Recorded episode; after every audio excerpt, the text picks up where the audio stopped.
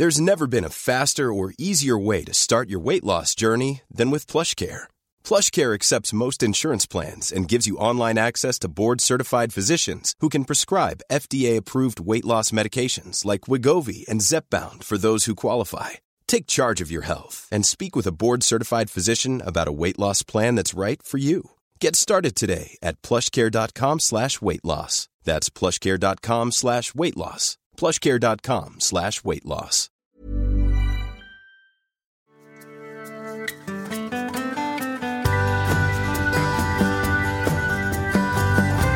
Hallå ja.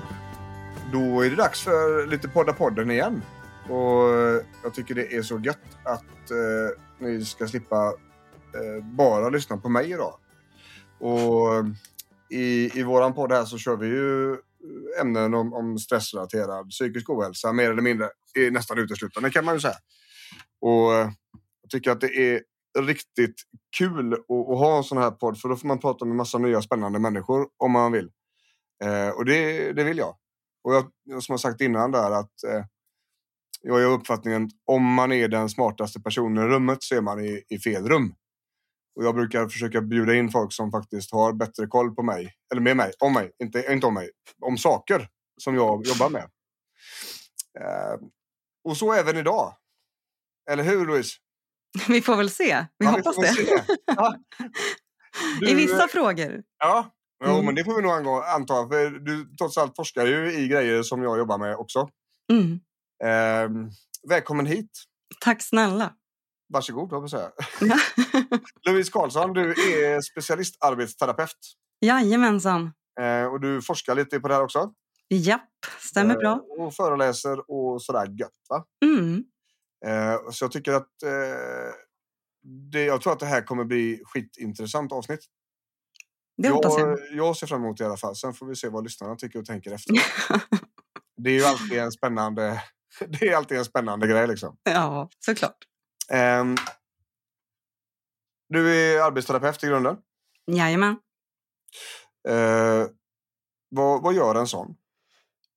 Alltså en arbetsterapeut det är ju otroligt eh, brett yrke och också ett yrke som senaste åren har börjat ta sig an väldigt många nya arenor. Men i grund och botten så jobbar ju en arbetsterapeut för att möjliggöra en meningsfull vardag. Sen om det är för barn, för vuxna, för äldre, eh, om det är för liksom en medfödd skada eller en eh, stressrelaterad ohälsa, eh, en smärtdiagnos. Alltså det, Ja. Vi utgår alltid ifrån patienten och inte lika... Jag skulle inte säga att vi utgår ifrån diagnoser utan vi utgår ju ifrån personen och dess proble- problematik för att försöka hitta lösningar. Ja, just det. Men, men jag tänker just på sj- själva uttrycket arbetsterapi. Mm. Är- det liksom från början så att det är inriktat på yrket, alltså yrkeslivet? Nej, alltså det skulle jag inte säga att det är. Och, ehm, utan det handlar ju om, om vi tittar på vad vi heter i USA så är det ju occupational therapist. Ja, Eh, sen finns det väl kanske inget bättre... Det har debatterats lite om vi borde byta namn. I Norge heter vi ergoterapeuter. ja. Ehm, men eh, nu börjar vi bli så etablerade eh, som Mm. arbetsterapeuter så vi kanske får stanna där. Men många tänker såklart att ja, men då jobbar ju ni med arbete. Ja precis. Ergonomi liksom. Sitt Mm. rätt, stå rätt, ha på dig fotriktiga skor. Ja, och hjälpmedel är också Ja, väldigt vanligt. ja, ja. Och den äldre generationen tänker så här, okej men det är ni som eh, sitter med typ vävstolar och sådana saker. Så att vi, den här kreativa eh, delen minns ju också några. Ja, absolut. Mm. Ja. Men, men det var som vi pratade om innan vi satte igång här lite grann. Att, eh, jag jobbar ju med liksom rehab för stressrelaterad psykisk ohälsa. Och ju mer jag har arbetat, speciellt de senaste åren, desto tydligare är det att arbetsterapin sitter på facit. Det är Mm. ingen som pratar om detta och det stör mig. Ja. Samma här. Ja, det förstår jag. Du Eh, anar inte hur många gånger jag har mejlat till typ, eh, TV4 Nyhetsmorgon, eh, Ja. Fråga doktorn, så fort de pratar om stress, utmattning, Ja. eh, så är det så här, men hallå, snälla hör av er, för det finns en dimension till det här vi inte lyfter. Ja, jajamän. Eh, och det är ju det är jättetydligt. Mm. Och när jag liksom funderar på hur, hur jag arbetar och, och, när det blir terapeutiska insatser och när det blir alltså om man säger psykoterapeutiska insatser. Det vill säga ska försöka förändra beteende, försöka förändra tankemönster för att reglera känslor och liknande. Så handlar det nästan alltid om att få de säga, arbetsterapeutiska insatserna till att funka. Mm. Det är det jag gör. liksom. Så om, om, man försöker skapa en, en, minskning av belastningen i vardagen, vilket ju såklart är väldigt viktigt när man har en stressproblematik. Mm. Det har vi tjötat om här i podden hur länge som helst. Eh, så, så, finns det olika saker som gör att det inte går. Det kan handla allt ifrån eh, låg självkänsla till eh, ångest till eh, eh, att man inte kan sätta igång med grejer för att man inte har någon energi eller det är svårt att följa rutiner för att man har en NPF-problematik och så liknande. Mm. Där kommer mina terapeutiska insatser in. Och hade det inte behövts så hade grejerna funkat väldigt snabbt för väldigt många. Ja, alltså jag skulle verkligen säga att om, om en stressrelaterad ohälsa inte beror på något trauma, inte beror på någon svår ångestproblematik eller som sagt kanske en outredd eh, diagnos så skulle majoriteten bli hjälpta, alltså, väl, alltså få väldigt, väldigt god hjälp och eh, snabba resultat mm. om man satte in arbetsterapi tidigt skede. Och man har ju också sett att för utmattning eller stress så har ju inte KBT samma effekt som vid ångest eller liknande. Så att här behöver vi jobba istället med görandet, inte lika mycket kanske med hur tänker vi eller hur reagerar vi, utan men hur gör vi saker? Yes. Och där, där är ju det, eh, i och med att jag, jag är ju i privat verksamhet. Mm. Så jag ligger ju kanske inte först i kedjan med vad folk testar. Nej. Så väldigt ofta är det så att man har testat tusen olika varianter innan man kommer till mig. Mm. Eh, ingen har tittat på detta. Nej. Alla har försökt punktbehandla. Eh, och det vet vi ju att det funkar ju inte. Nej. Och, och, på tal om det, jävligt intressant faktiskt. Jag håller på att skriva på, på en ny bok där det här är en del i grejerna. Men jag sprang på en studie som jag fan inte hittar igen. Stör ihjäl mig. Eh, om jag miss, inte missminner mig nu så, så har man tittat på eh, utmattning och återgång till arbetet. Mm. Och jämfört KBT jag tror att det var tio tillfällen, för det är lite så man tänker KBT. Funkar inte på tio tillfällen så skiter man i det eller tar en paus. Eh, och arbetsterapi. Och jämfört det här med hel vila, det vill säga utan insatser. Och sett det att, att eh, utan insatser och KBT var ungefär likvärdigt. Det var ungefär samma procent som kom tillbaka till arbetet. Men det är upp mot 28 procent fler som kom tillbaka efter arbetsterapeutiska insatser. Mm, men låter rimligt. Jag hittar inte den igen. Nej, men, och det, det är det som blir så, så lurigt i dagens system så som samhället är uppbyggt och med sjukskrivningar och med, med sjukvården. att eh, Vi kan inte sjukskriva de här individerna på heltid i tre månader, sex månader, ett år och tro att det ska lösa några problem. För det gör det inte. Alltså, genom att passivisera de här patienterna och bara ge vila eller ingenting ja. så kommer ju tröskeln bli oändlig till att försöka få ihop en fungerande vardag igen. Jajamän. Man väntar på att det ska bli bra. Ja, och det och blir inte.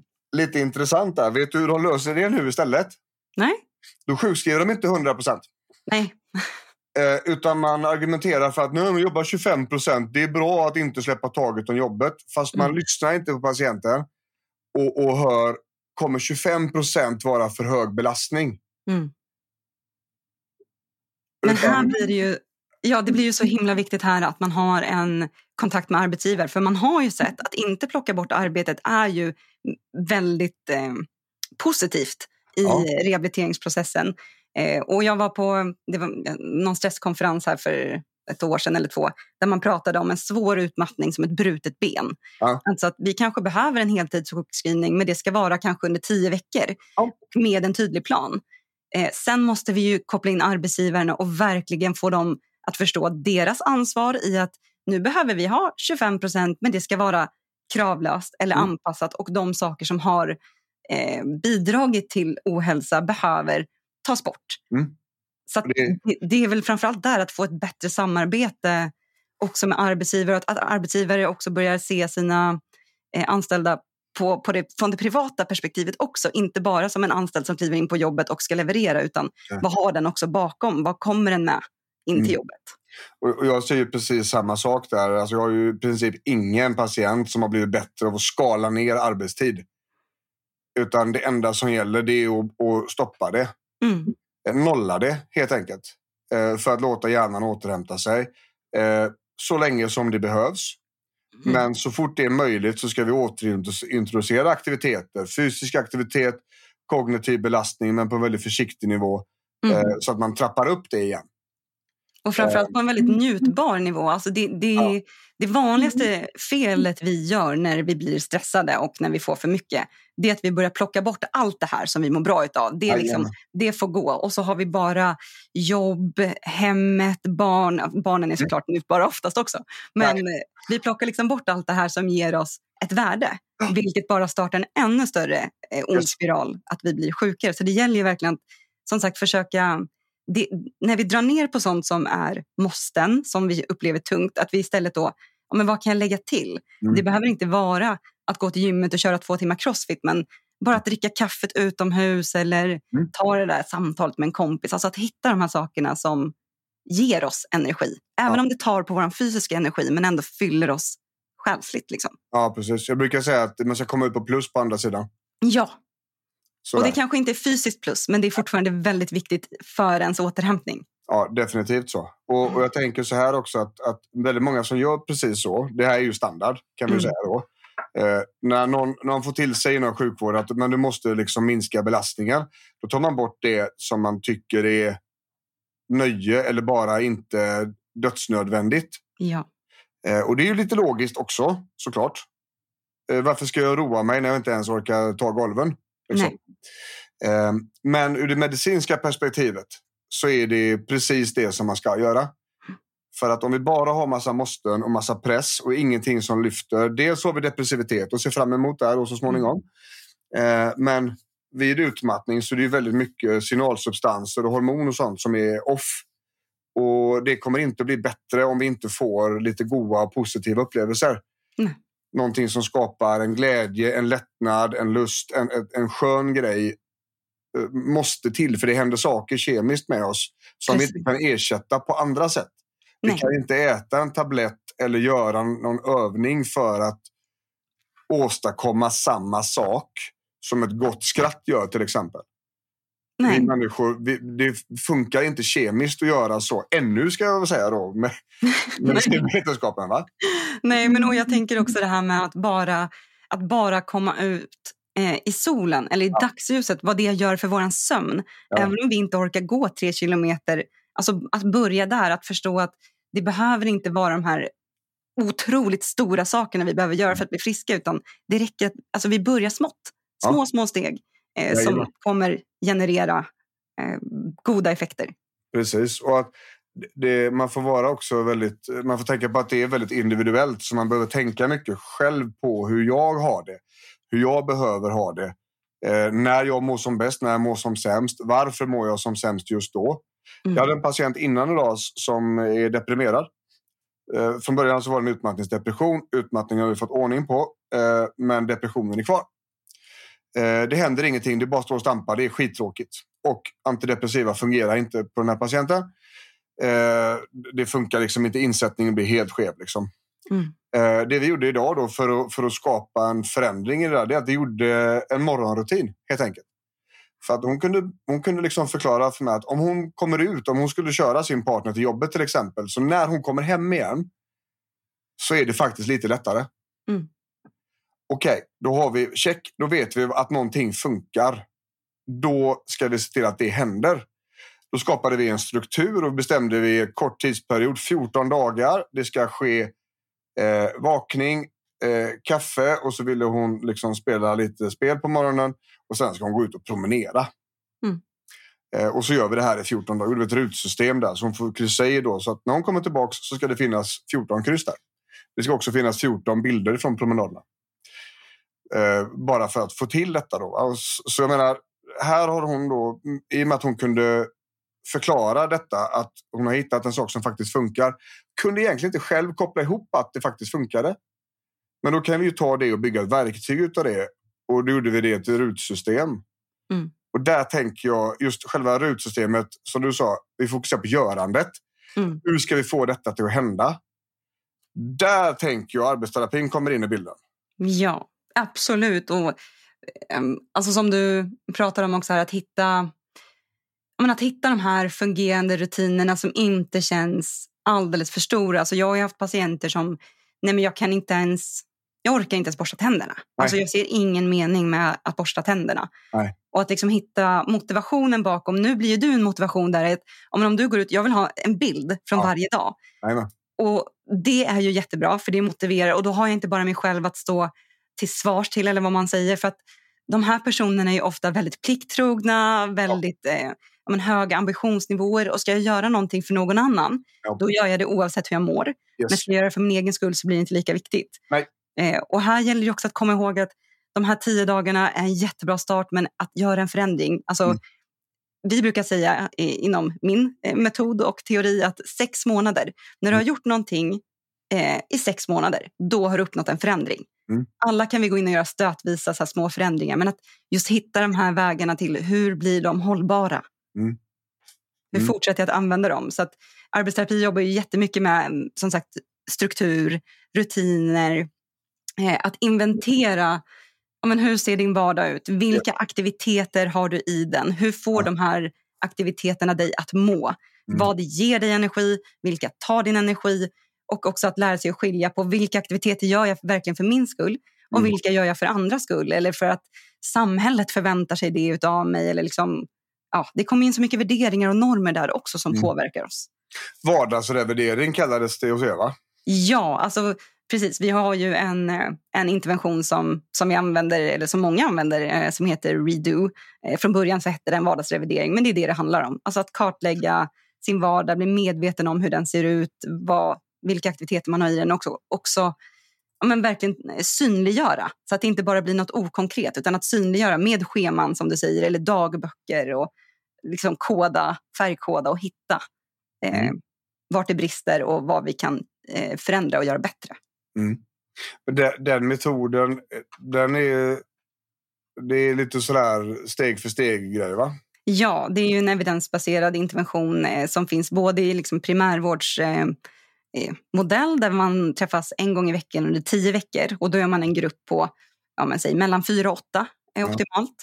Eh, sen finns det också en längre version men den används inte lika eh, utbrett. Men, så man ses liksom Mm. eh, en gång i veckan, tio veckor och sen har man en uppföljning ungefär en månad efter avslutad grupp. Och det som också är speciellt med den här är att vi också har ett anhörigseminarium där vi bjuder in anhöriga för att vi ska inte glömma dem heller. Det är ju så otroligt tufft att stå vid sidan av här också och inte veta vad ska jag göra? Och de säger ju alltid, jag, jag har ju gett vila, men det Ja. hjälper ju inte. Nej. Vad gör jag? Mm. Så, så det är ett väldigt uppskattat inslag också. Att, att man får ta med partner eller föräldrar eller vuxna barn om man har det. Eller chef, Mm. kollegor Mm. eh, och diskutera. Jag tror det, den är... Det där är en sån riktigt, riktigt smart grej. Det där Mm. är någonting som borde varit alltså, standard i all form av insats för de här sakerna.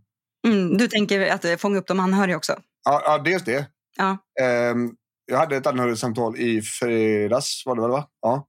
Ehm, och, och Det är väldigt, väldigt värdefullt för partnern. Mm. Det är också värdefullt för patienten som kan då få... Att jag kan förklara vad det är vi jobbar med Mm. och vad det är som är viktigt. Och, och sådär, va? Skapa mer förståelse. Ehm, och, och även då anhörig då som tycker att man gör, precis som du säger, tycker man gör jättemycket, jättemycket, jättemycket. Och, och det är skitbra. Det hade antagligen varit mycket sämre om man inte hade gjort så. Mm. Men eh, det här jobbar vi med nu. Det kommer inte vara så här för tid och evighet och du har full liksom, rätt och möjlighet att ställa krav på att personen ska göra det som de ska göra för att bli bättre. Men att det också är en struktur och Det var också strukturtänket då att ni behöver planera vardagen helt enkelt. Så att Ja. det är inte bara eh, det är inte bara freebase så att när du behöver någonting så är han trött liksom. Nej, precis. Att man verkligen kan synliggöra och hjälpas åt. Och vem gör vad? Och sen en aspekt som ofta blir väldigt tydlig. Alltså, lever man med en utmattning eller med stress, Mm. eh, dina behov av kanske närhet eller sexualitet blir ju väldigt begränsad och Ja. eh, det kan ju verkligen sätta, alltså tära på en relation och bara Ja. liksom få bli bekräftad i att det är inte du som, som partner det handlar om utan det här, alltså alla kroppen, som sagt vi pratar om hormoner, Mm. alla de behoven kommer ju med stor sannolikhet att vara väldigt minimala. Ja. Eh, och hur, jag menar, alltså, där, där upplever jag att väldigt många anhöriga tycker att det är skönt att få bekräftat att oh, men det är inte att det är slut på kärlek eller det Mm. är inte att det är, utan nej, men det handlar om hormonella saker dessutom utöver den här stressen och pressen. Mm. Eh, så det finns ju väldigt mycket där som eh, de här personerna kan behöva liksom få stöd i. Mm. Och också lättnaden hos... Eh, det är det som är så fint, man har grupper Mm. när, när de får hitta varandra och inte bara utgå ifrån det de ser i sociala medier eller hör i, på tv och liknande utan när de får hitta grupper där de får prata och liksom igenkänningen att men gud, det är inte bara jag. Mm. Åh, tack, åh, vad skönt att höra. Och har du några tips och har du några råd? Och, så att Mm. gruppdynamiken för den här eh, patientgruppen är fantastisk. Absolut så. Och det, det, det är väl en del av det som man hade önskat fungera på ett annat sätt Mm. eh, än vad det gör idag. Ja. Och, och Och jag, tänk, jag skulle ju så gärna vilja att det här... För det här är på ett sätt så basal kunskap. Alltså det här, vi skulle kunna komma så långt genom att lära, börja redan liksom med barnen, Mm. redan i skolan. Att lära dem att ja, men hur, hur mycket är rimligt att jag gör efter skolan. Hinner jag leka med två kompisar, gå på fotboll och innebandy? Sannolikt inte. Nej, okej, vad vill jag då välja? Vad ska jag prioritera? Eller att ja, men vi behöver kanske ha vilodagar eller fasta läggningstider. Alltså att få in hur viktigt det här är och också lära föräldrar i hur viktigt det här är. För att stressade föräldrar ger ju tyvärr ofta stressade barn. ja, ja. Eh, Så där behöver man ju, vi behöver komma in och bryta det här mönstret och inte bara min forskning och det jag brinner för, det är ju att kunna främja hälsa. Mm. Eh, Jag jobbar med att eh, hjälpa de här att komma tillbaka, självklart. Men hur kan vi främja hälsa i samhället? Alltså, så att vi inte behöver ha alla som lider av den här många gånger onödiga stressen som påverkar hela deras vardagsliv, familj, eh, arbete. Ja, och, och det, där, det där ökar ju liksom. Det, stressen i samhället har ju kanske aldrig varit större än vad den är nu. Nej, Eh, man såg ju nu under pandemin att då gick det ju ner lite. För att många hade möjlighet att kanske jobba hemifrån. Många hade kanske föräldrar som jobbade hemifrån och kunde hjälpa till med vardagspusslet. Eh, depressionerna ökade ju däremot. Eh, Så där kanske många hade tappat sitt sociala sammanhang och just de här sakerna där vi mår väldigt bra. Men vi Mm. ser ju nu att ja, nu ökar stressen igen. Och hur ska vi kunna liksom råda bot på det? Ja. Och det, det är ju, stress är ju liksom ett, ett beredskapssystem på något vis som ska hålla oss ifrån fara. Och när det är väldigt mycket faror runt omkring, alltså riktiga faror, Mm. då blir det ju ännu svårare. Då, då räcker det ju kanske inte för huvudet att bara försöka förstå att ah, men det här fulla e-postkorgen är inget farligt. För Mm. att eh, högre matpriser, högre elkostnader och krig i Ukraina är farligt. Mm. Det finns ett reellt hot där som vi människor behöver förhålla oss till. Det hade blivit konstigt om vi inte hade gjort det. Mm. Eh, så- det finns jätteutmaningar idag som inte har funnits de senaste åren. Och då kommer vi in i eh, ett sluttande plan så att säga. Mm. Eh, det är därför som jag tänker så här, ju mer information vi kan få ut, desto fler kan vi ju hjälpa liksom. Ja, och det, det är ju jättejobbigt, alltså, tycker jag också. Jag, jag har också liksom gått på balansgång. Vill jag tippa över och, och hamna i en utmattning eller drar jag handbromsen, skalar av? Och, så det här är någonting som vi alla behöver jobba med. Och just som du säger, vi får väldigt mycket negativ kunskap, eller ja, om man nu vill kalla det negativ, men jobbig kunskap till oss varje dag. Vi matas med information om ja, men hur farligt AI kommer bli och vi har krig och vi har energibrist. Vi har allt det här. Och det är ju jättelätt då att fastna i allt tänk om. Mm. Jättelätt. Och där blir ju terapin jätteviktig. Så att, eh, alltså samtalsterapi i kombination med arbetsterapi är ju verkligen en gyllene nyckel många gånger skulle jag säga för de som mår dåligt idag. För många gånger så behöver man också hantera allt det här, eh, alla jobbiga tankar som blir utöver att jag inte får ihop vardagen. Ja. Och det, det där säger jag ju varje dag. Mm. Här, det, det är så tydligt. Um, och det, det, jag tror att det, om jag ska prata om någon form av lösning, så är det nog där vi landar. Alltså om fem år så lär det se ut så här. Mm. Hoppas jag i alla fall. Och det var lite grann så här, jag jobbade ju bara med långtidssmärta tidigare i stort sett. Eh, och det var så man kom över på, på just stressbiten. Att när man jobbar med smärta så kan man inte undvika att jobba med stress för de hänger så tätt ihop. Mm. Och, och långtidssmärta, det som kallas för kronisk smärta, för det handlar ju mer om tolkningen av varningssignalerna i huvudet och då är, då är stress en väldigt stor faktor. Mm. Um, och, och, för fem, tio år sedan då, då såg vi direkt här att, att ja, eh, det är inte så jäkla mycket gummiband som behövs till de har testat övningarna. Liksom. Det kommer nog inte vara några andra övningar som behövs. Men det är någon som har glömt att fråga hur de mår. Mm. Um, och, och, där såg man, okej, okay, men antagligen så kommer fysioterapin att behöva giftas ihop med samtalsterapi.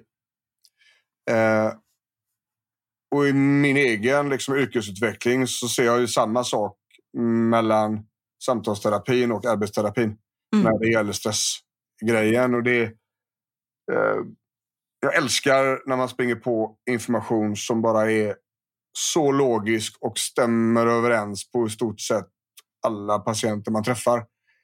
För det, man märker att det är rätt. Jag tycker det är så coolt. Man märker att en information stämmer. Mm.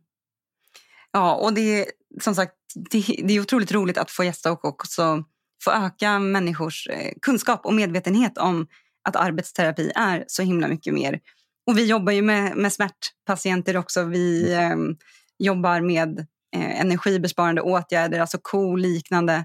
Eh, så att, eh, och som sagt med stress. Och där är det ju det finns ju så många olika infallsvinklar men det viktigaste är ju att verkligen sätta sig ner och lära känna individen och hjälpa dem, vilket jag tror att du också gör. Att liksom kunna spegla deras vardag på ett sätt. För man, man blir så hemmablind, det blir liksom skyddslapparna på. Man förstår inte vad man gör fel. Och många av mina patienter ja, men de, de, kan ju vara högt uppsatta chefer, läkare, psykologer och allting. Jätte eh, högutbildade, vilket man också har sett i min forskning är en riskfaktor. Mm. Eh, och gör allting rätt på papper och liksom uttryckligen säger det. Jag gör ju allting. Jag äter nyttigt, jag ser till att gå och lägga mig samma tid varje dag, jag tränar fem dagar i veckan. Mm. Och så börjar man bryta ner. Ja, men okej, vad, vad, ja, varför, varför tränar du? Ja, men man ska träna och det är jättebra för kroppen. Okej, vilken typ av träning? Ja, mm. men löptränar och, och crossfit. Ja. ja. Njuter du av det? Vad menar du? Ja. ja mår du bra av att träna crossfit? nej, eller ja, alltså min kropp mår ju bra, men nej, det är inte så att, alltså, nej. Nej. Nej, du kan ju inte... Det. Exakt, det är ytterligare en sak som vi gör bara för att vara bra inom situationstecken. Mm. För att man borde, för att alla andra gör det, för att det är trendigt. Men att bara så bli trygg i att hitta vad mår jag bra utav och att det ska vara okej. Okay. Ja. Alltså att inte lägga någon värdering i huruvida det är bra i samhällets ögon.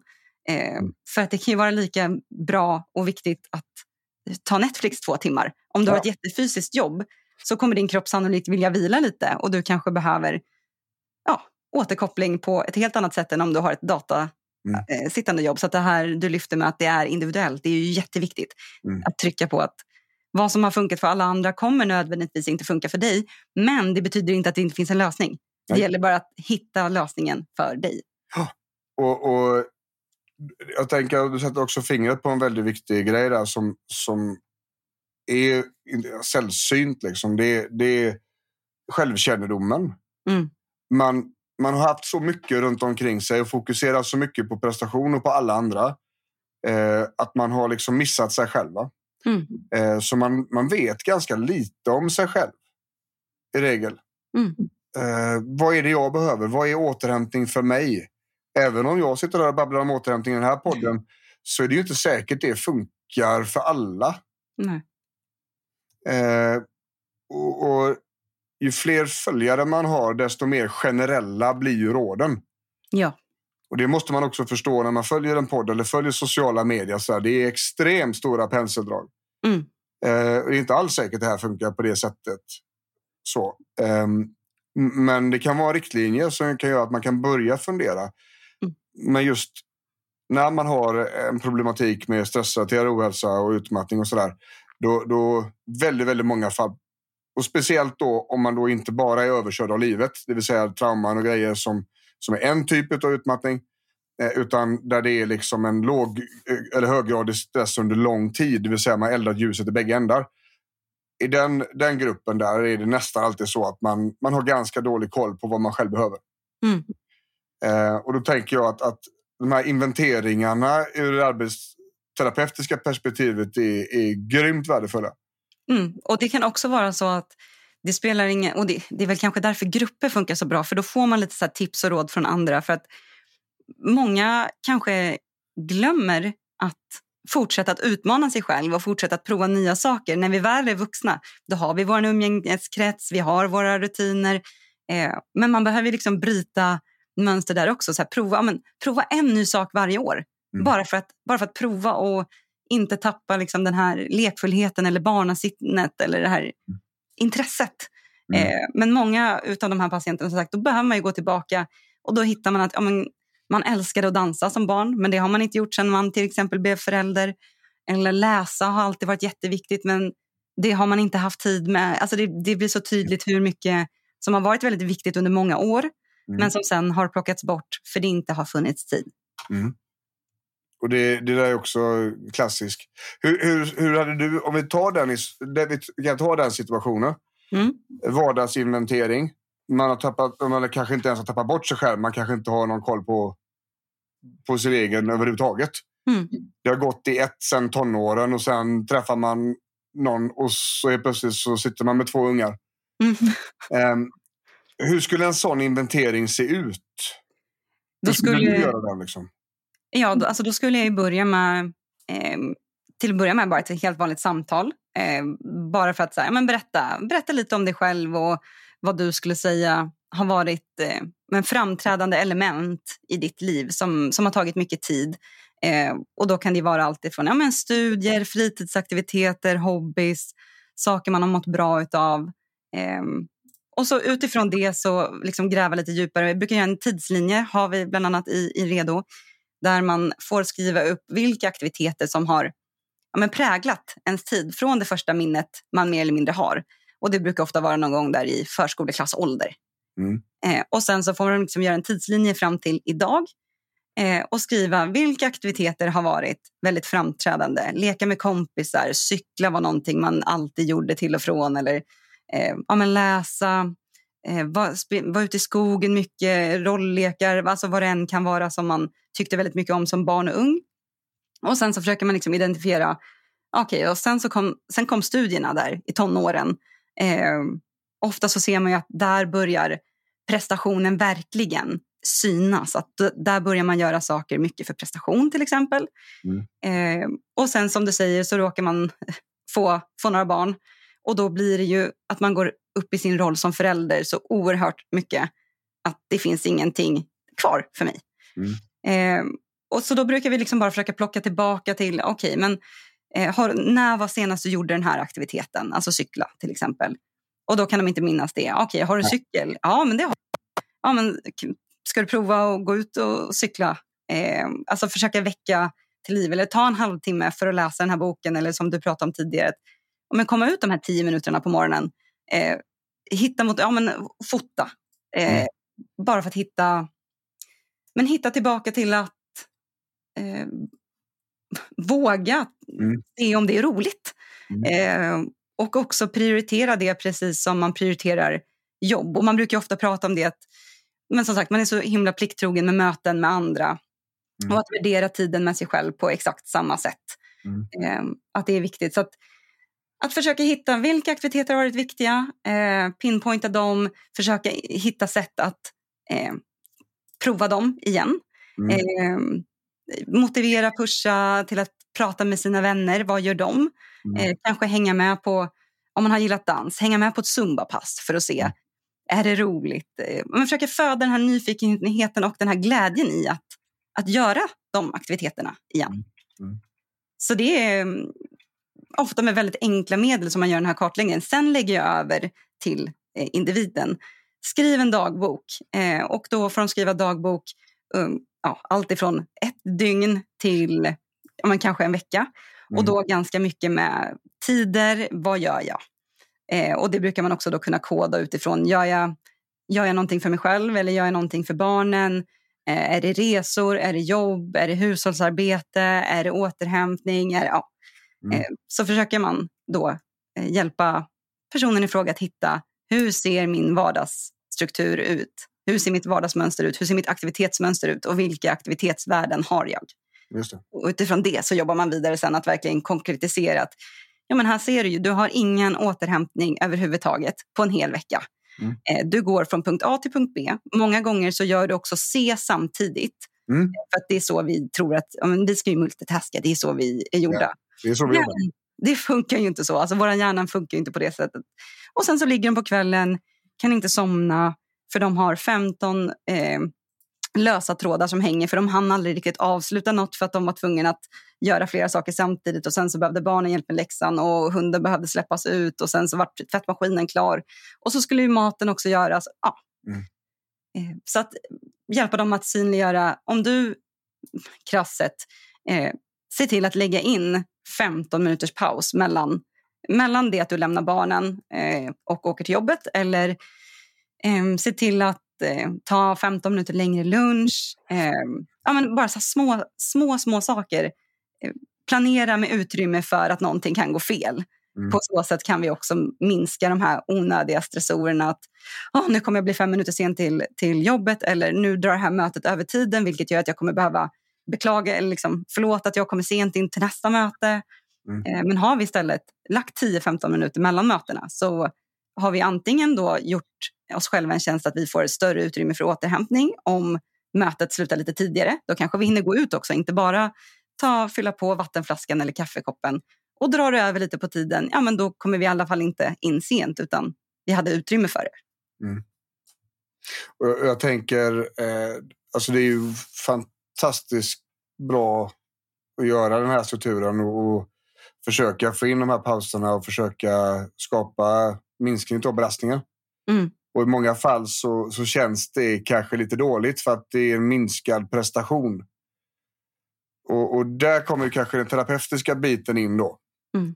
Eh, varför är det så stort värde i prestation? Mm. Eh, är det verkligen det? Om, om vi lägger prestation på ena sidan och så lägger vi de mjuka värdena och liksom det mänskliga och fina på andra sidan. Vilket är då mest värt? Eh, var kommer prestationen ifrån? Varför och vart har du lärt dig detta? Ja, det var morsan. Ah, Okej, okay. men bestämmer hon över dig idag? Nej, hon gör inte det. Nej, nej för det var 25 år sedan. Okej, okay. eh, ja, då kan vi börja hjälpa hjärnan att förstå varför det inte går att minska belastningen och följa strukturen för att hjärnan helt enkelt inte vill, för den tycker inte om det. Mm. Och det är lite grann så, jag hade ett, ett samtal, också en, en patient innan idag, att, att um, det är väldigt svårt för ett huvud att välja de snälla, bra vägarna um, i stunden när den ena vägen väger tyngre än den andra. Så att om man blir placerad vid vägskäl där man får välja mellan prestera och inte prestera, det vill säga vila, så kommer det vara svårare att välja vilan eftersom värdet av prestationen är större. Mm. Och där, där tänker jag att där är det ju kanske mer åt det, det liksom terapeutiska hållet. Att, att hjälpa individen att förstå att, vet du vad? Det här är gamla grejer. Det är inte det här som gills idag. Du bestämmer själv om hur det här ska vara. Och det som kommer upp i gammal skit liksom. Ja, och vi, där måste, precis, vi måste omprogrammera oss på ett sätt. Men vi måste också restart liksom, samhällets mm. värderingar och normer. Där ja. Det är det som kommer till oss, även om vi eh, liksom är uppväxta under perfekta förhållanden mm. så formas vi fortfarande eh, utav samhället hela tiden. Och där är det ju det är liksom hets kring betygen. Mm. Eh, du har influencers som lägger ut i tid och otid att de gör allt och lite till. Och vi hade en influencer som sökte en assistent eh, liksom, som illustrerar sig själv som en bläckfisk. Eh, där texten var liksom, du ska kunna göra mer eller mindre allt. Du ska inte göra någonting fel. Eh, även om det här var med liksom, glimten i ögat så kan inte våra unga skilja på. Och inte vi vuxna heller många gånger. Vi är inte källkritiska utan vi ser en bild på, på vår telefon och vår hjärna tolkar det som att det är sanning och det är så det borde vara. Eh, även om vi själva tänker att ja, men det där påverkar inte oss, så gör det ju det. Mm. Eh, så att vi måste ju liksom få en ny syn i samhället på vad är... Eller ja, där, där hälsa och välbefinnande är högre prioriterat och värderat än prestation. Mm. Och jag tänker att det gäller ju kanske framför allt där mellan raderna. Det är ju mycket, det kommer ju ändå en, en hel del hälsovågor och det pratas mycket om psykisk ohälsa och sånt där. Liksom. Men, men, ändå är det så mellan raderna så är det bra om man gör så här. Mm.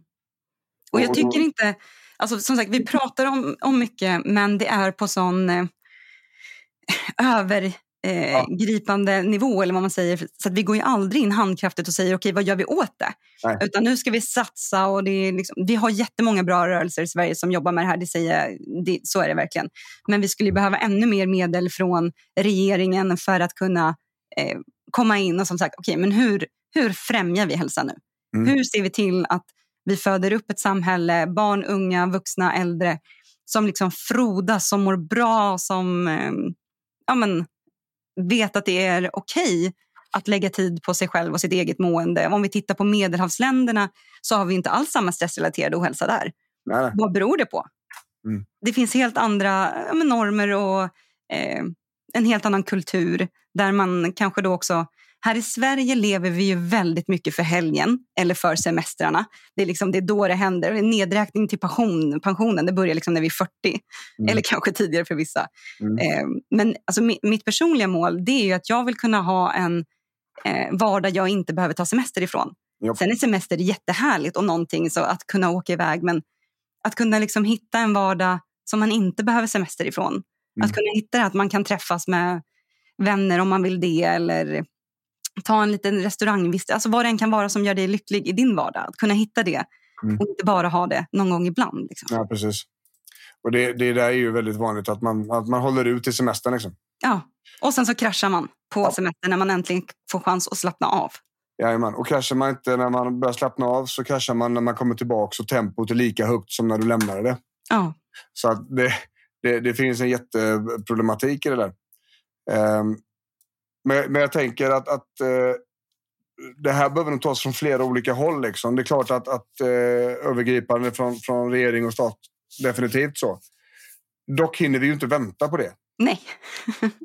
eh, och det är det som jag tänker är den stora problematiken. Och vi kanske också därför man kör en sån här podd. Liksom, att mm. Vi har inte tid att vänta på någon annan. Vi måste lösa det här nu. Liksom. Och, och att, att tänker att det viktigaste av, av allt egentligen är att förstå att man kan faktiskt göra mycket själv. Mm. Och saker behöver inte vara som det alltid har varit. Det, det, det är helt okej att ändra. Mm. Så är det. Eh, Absolut. Och där... Eh, jag hade, nu var det en patient med smärta förvisso, men eh, på tal om att liksom alltid sak, saker ska göras eh, som de har gjort tidigare eller som vi tror att de bör göras. Mm. Eh, som började säga nej till sina tjejmiddagar som de egentligen hade vanligtvis en gång i månaden eh, sedan, sedan flera år. För att hon inte orkade hålla huset i det toppskicket som hon trodde förväntades, som hon alltid hade haft tidigare och laga de här tre rätters eh, middagarna och drinkar och allt vad det skulle vara. Eh, men till slut så såg tjejerna igenom det här, eh, kom och plingade på den fast hon hade ställt in innan och hade med sig då kandelabrer, ljus, pizza och ja. flaska vin. Snyggt. Och hon, ja, jättefin. Och hon fick ju panik och var så här, nej, nej, nej, det är så dammigt i hörnen och ni kan inte komma in. Och de var så här, vi släcker lamporna, vi tänder mm. ljusen, vi äter pizza och vi... Det är, liksom, det är det här vi är ute efter, att få umgås. Inte att döma hur ditt hem ser ut. Mm. Mm. Eh, så att det verkligen tar med sig att det finns värdet eh, är inte hur rent du har det eller mm. hur mycket du tjänar eller vilken bil du kör. Utan ta tillvara på de här aktiviteterna och de här relationerna som, men som ger dig. Ja, okay.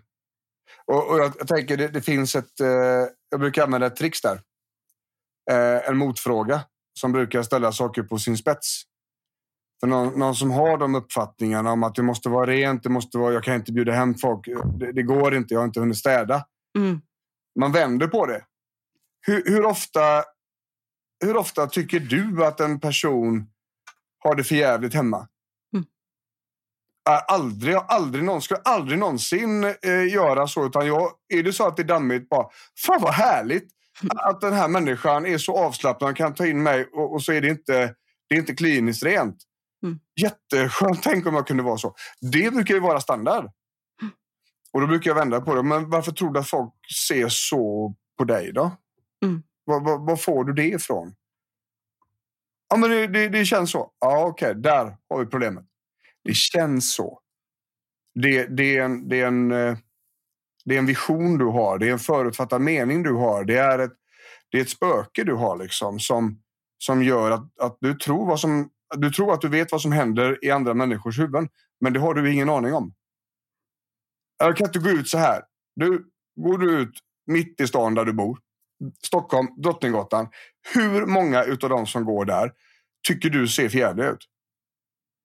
Om det är bara de som är allra värsta, liksom. de, de kanske som, som bor, lever på gatan eller som ja, man kanske upplever som, som väldigt psykiskt sjuka, liksom, som helt uppenbart har besvär. Liksom. Okej, alla de andra då? Nej. Nej, så varför tror du att de, folk tittar på dig? Mm. Och så finns det inget svar. Och det är precis det jag är ute efter. Att frågan inte har något svar, för då lägger den sig. Då landar den hos människan. Liksom. Varför skulle det här... Varför skulle folk tänka och tycka och tro så här om dig? Nej. Och det gör man inte. Det är verkligen det är så. Mm. Det är den bästa, det bästa stället att öva upp, eh, eh själv, eh, inte öva upp självkänslan, men att, att öva upp kropps... Eh, inte kroppsmedvetenhet heller, men, men känslan av sin egen kropp. Det är ju på stranden. För folk är så fruktansvärt upptagna med sina egna ångestdemoner att, att de går bara runt och tänker på hur fula de själva är. Så det är ingen som orkar eller har tid att titta på dig. Det är världens bästa ställe att öva liksom på att, att, att vara bekväm i sin kropp. Och, och, man kan använda det här, tänker jag, det här resonemanget just när det gäller den här saken som du beskriver där. Att, att, men varför blir det så här då? Varför, varför ökar ditt görande när det ska ske en positiv sak som du vet du kan få ut mycket av? Ja, det beror på detta. Mm. Och, och, där tänker jag, där gifter vi ihop de här på något vis. Absolut.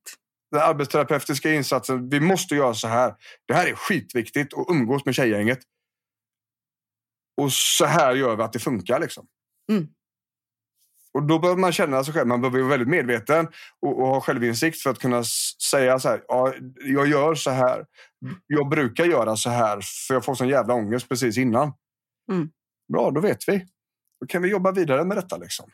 Ja, och många gånger behöver man ju liksom hjälp av någon i sin omgivning att få den här pushen. Att istället för att hålla på och ställa in, att få pushen. Men nu gör du det här och du vet att det kanske känns jättejobbigt nu innan men du vet ju hur bra du brukar må efteråt. Alltså att få hjälpen att verkligen komma, komma till att göra meningsfulla saker. Min första studie till exempel jag gjorde där jag tittade på riskfaktorer för att hamna i en stressrelaterad ohälsa eller en aktivitetsohälsa.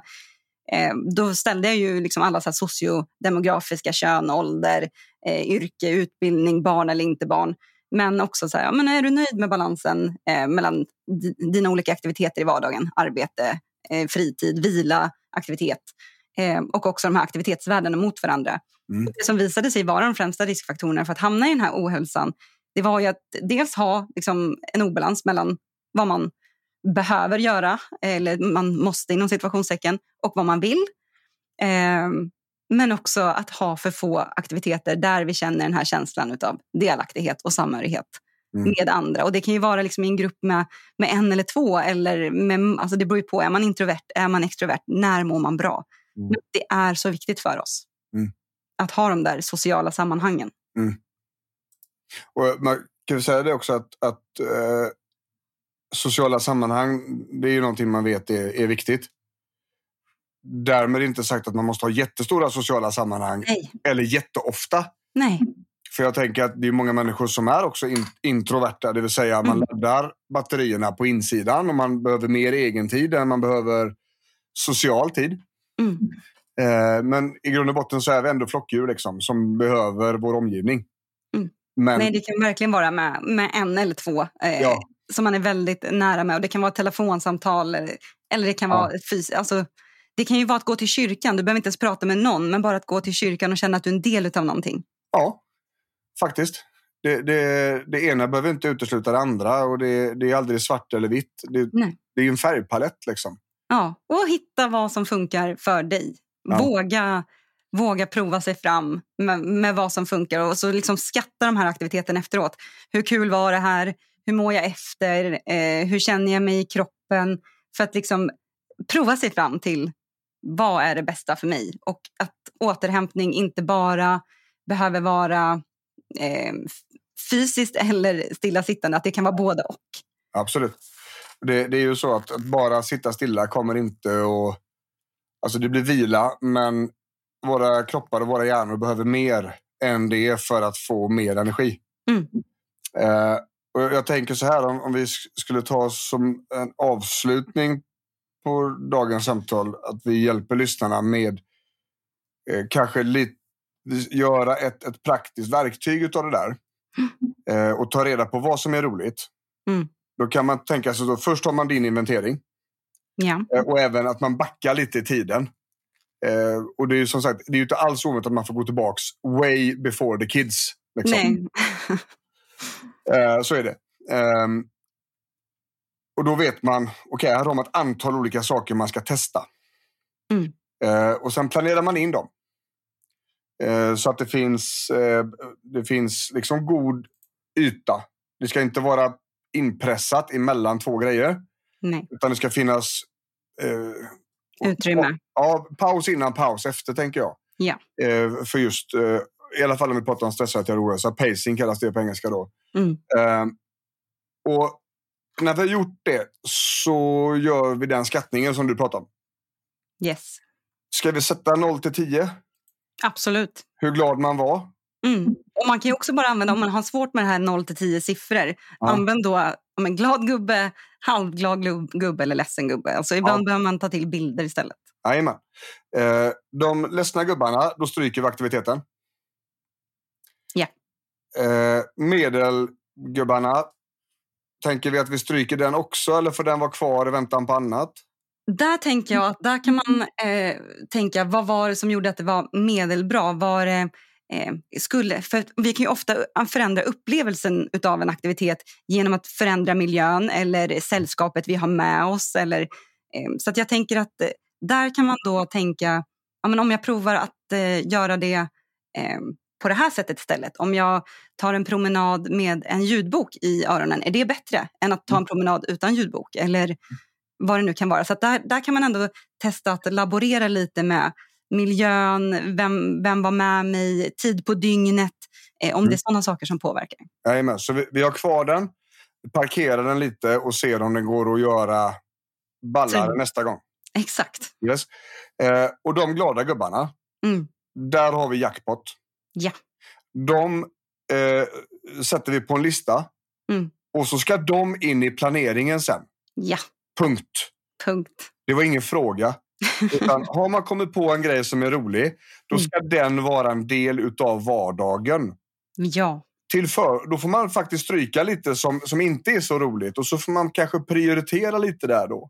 ja jätteviktigt. Eller ofta då, som jag brukar uppleva, att, att det är faktiskt inte en prioritering utan det är en planeringsfråga. Mm. Tiden lär finnas.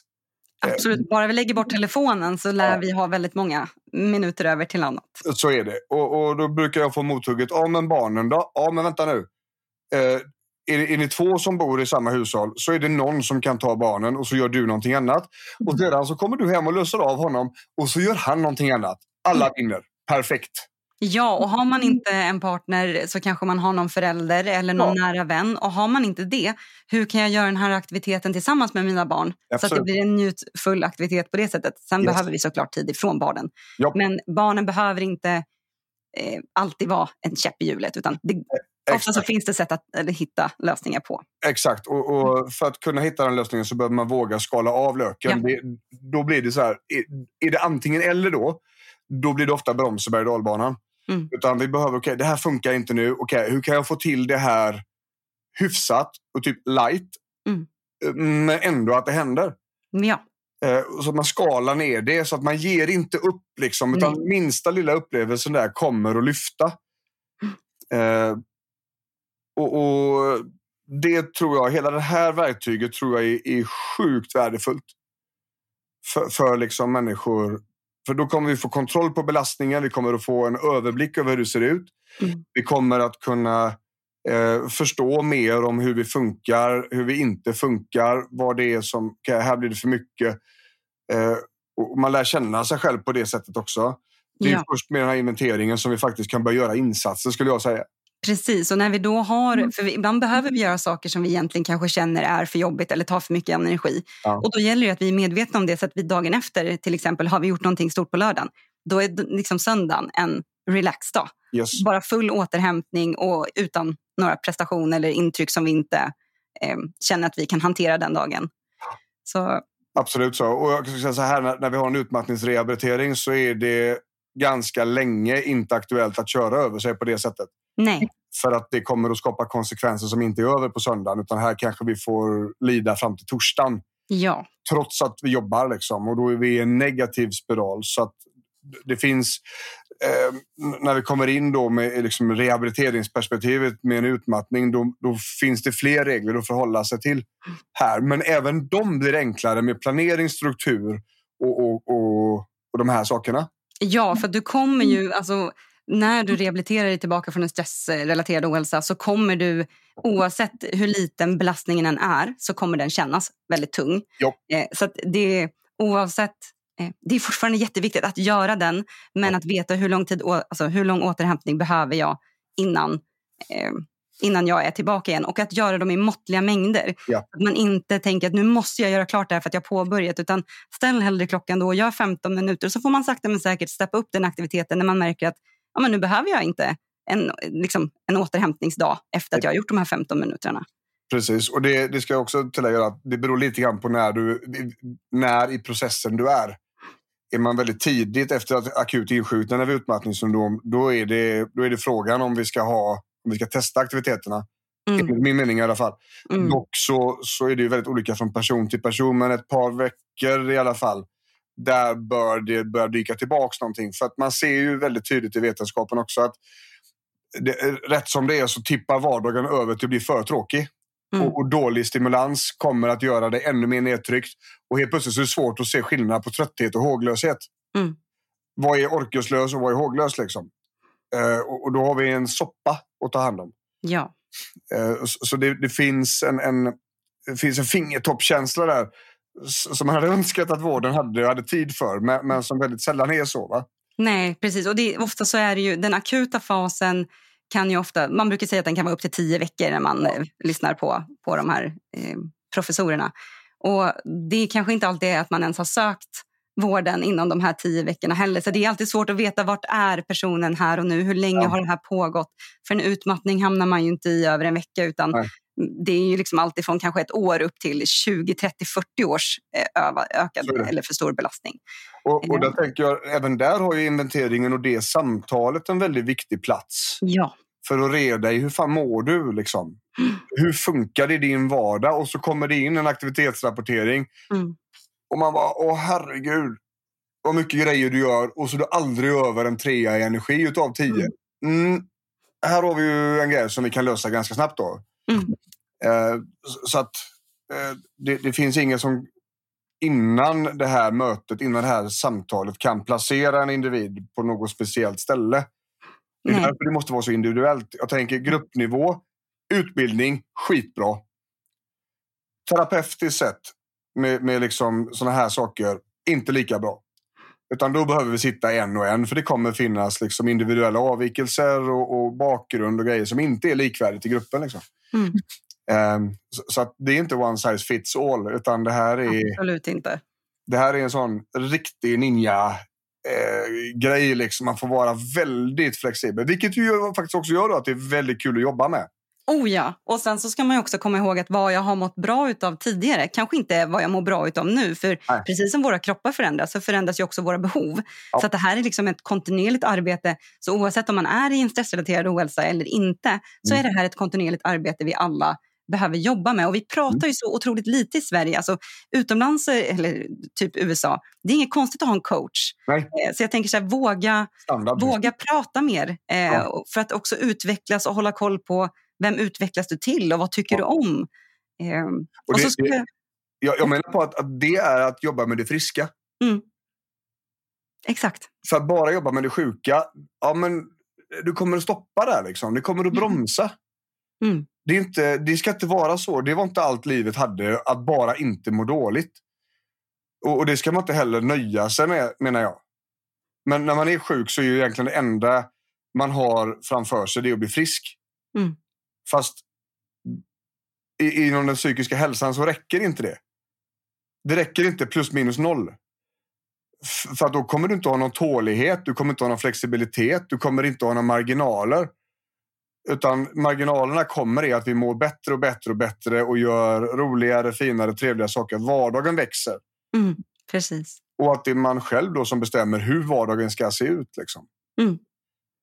Så att när du går och lägger dig på kvällen istället för att ligga och slösurfa på telefonen och kolla på Instagram, ha en liten dagbok istället och så skriver du just där, hur ska du få din vardag att växa eller vad Ja. mår du bra utav? Eller bara en liten kort, vad är du tacksam över idag? Ja. Vad har varit bra idag? Eller vad ser du fram emot imorgon?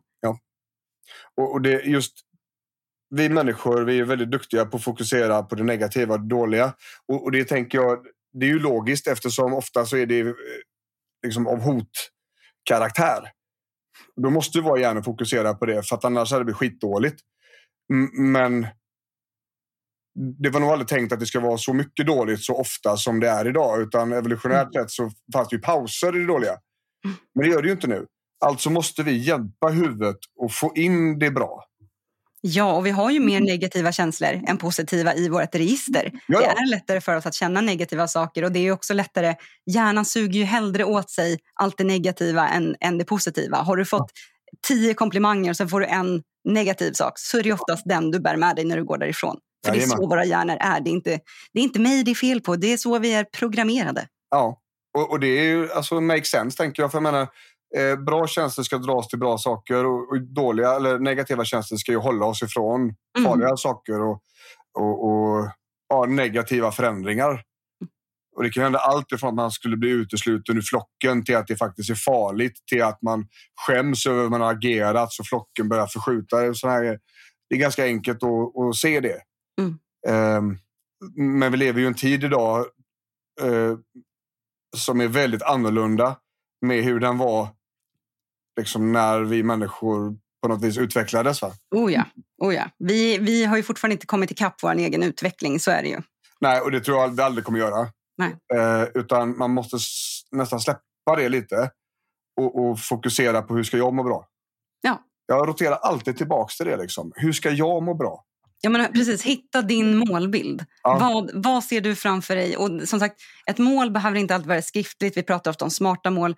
Utan en, ett mål kan ju vara visuellt. Ja. Hitta en, en bild som du mår bra utav. Hitta ett foto, hitta en låt. Någonting som får dig att må bra. Som påminner dig varje dag Mm. om, om just det här målet.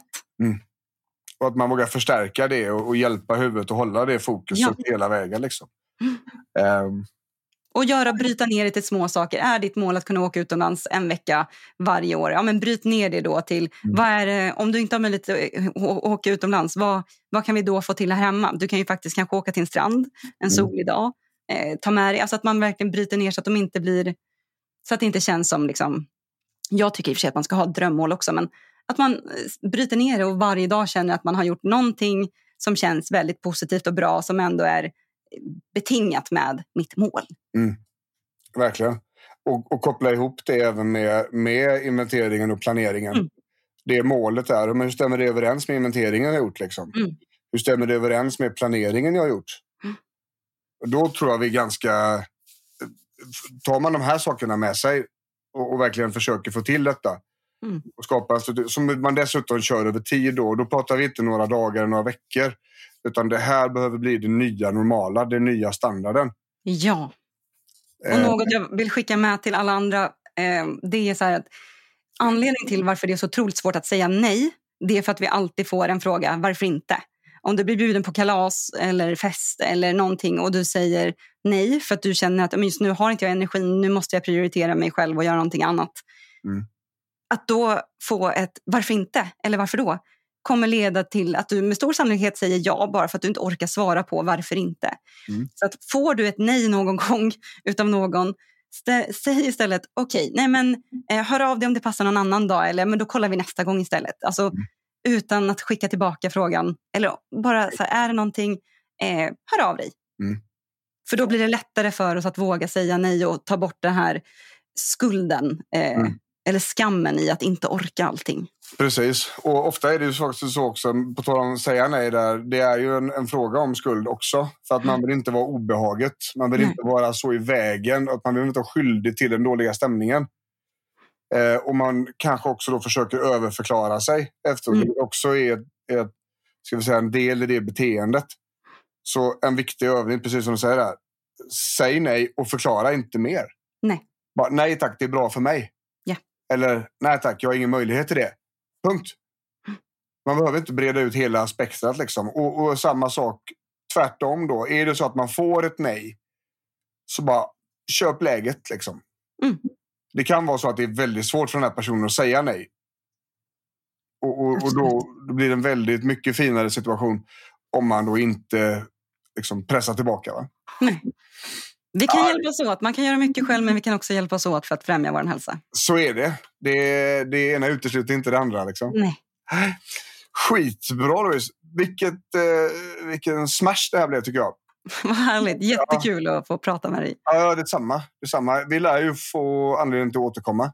Hoppas det. Eh, det brukar bli lite så här eh, svallvågor av avsnitten med frågor och sånt där. Jag tänker vi kanske ska köra en uppföljning här fram igenom. Det vore jättekul. Ja, det tycker jag med.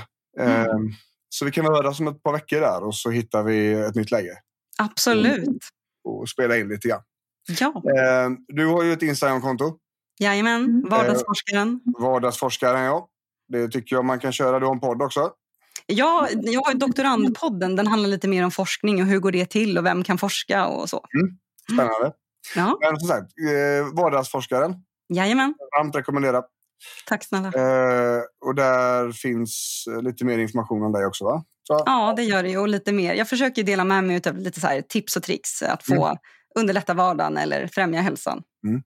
Skitbra. Men du, då ska vi runda av för idag. Ja, tack och snälla. så ska vi vila huvudena, tror jag. Äta lite mat, tänker jag med. Absolut. Eh, så eh, gör vi så att vi eh, säger ha det gött. Hej till våra lyssnare. Och så hörs vi framöver. Ja, Ha det gött! ha det gött. Hej!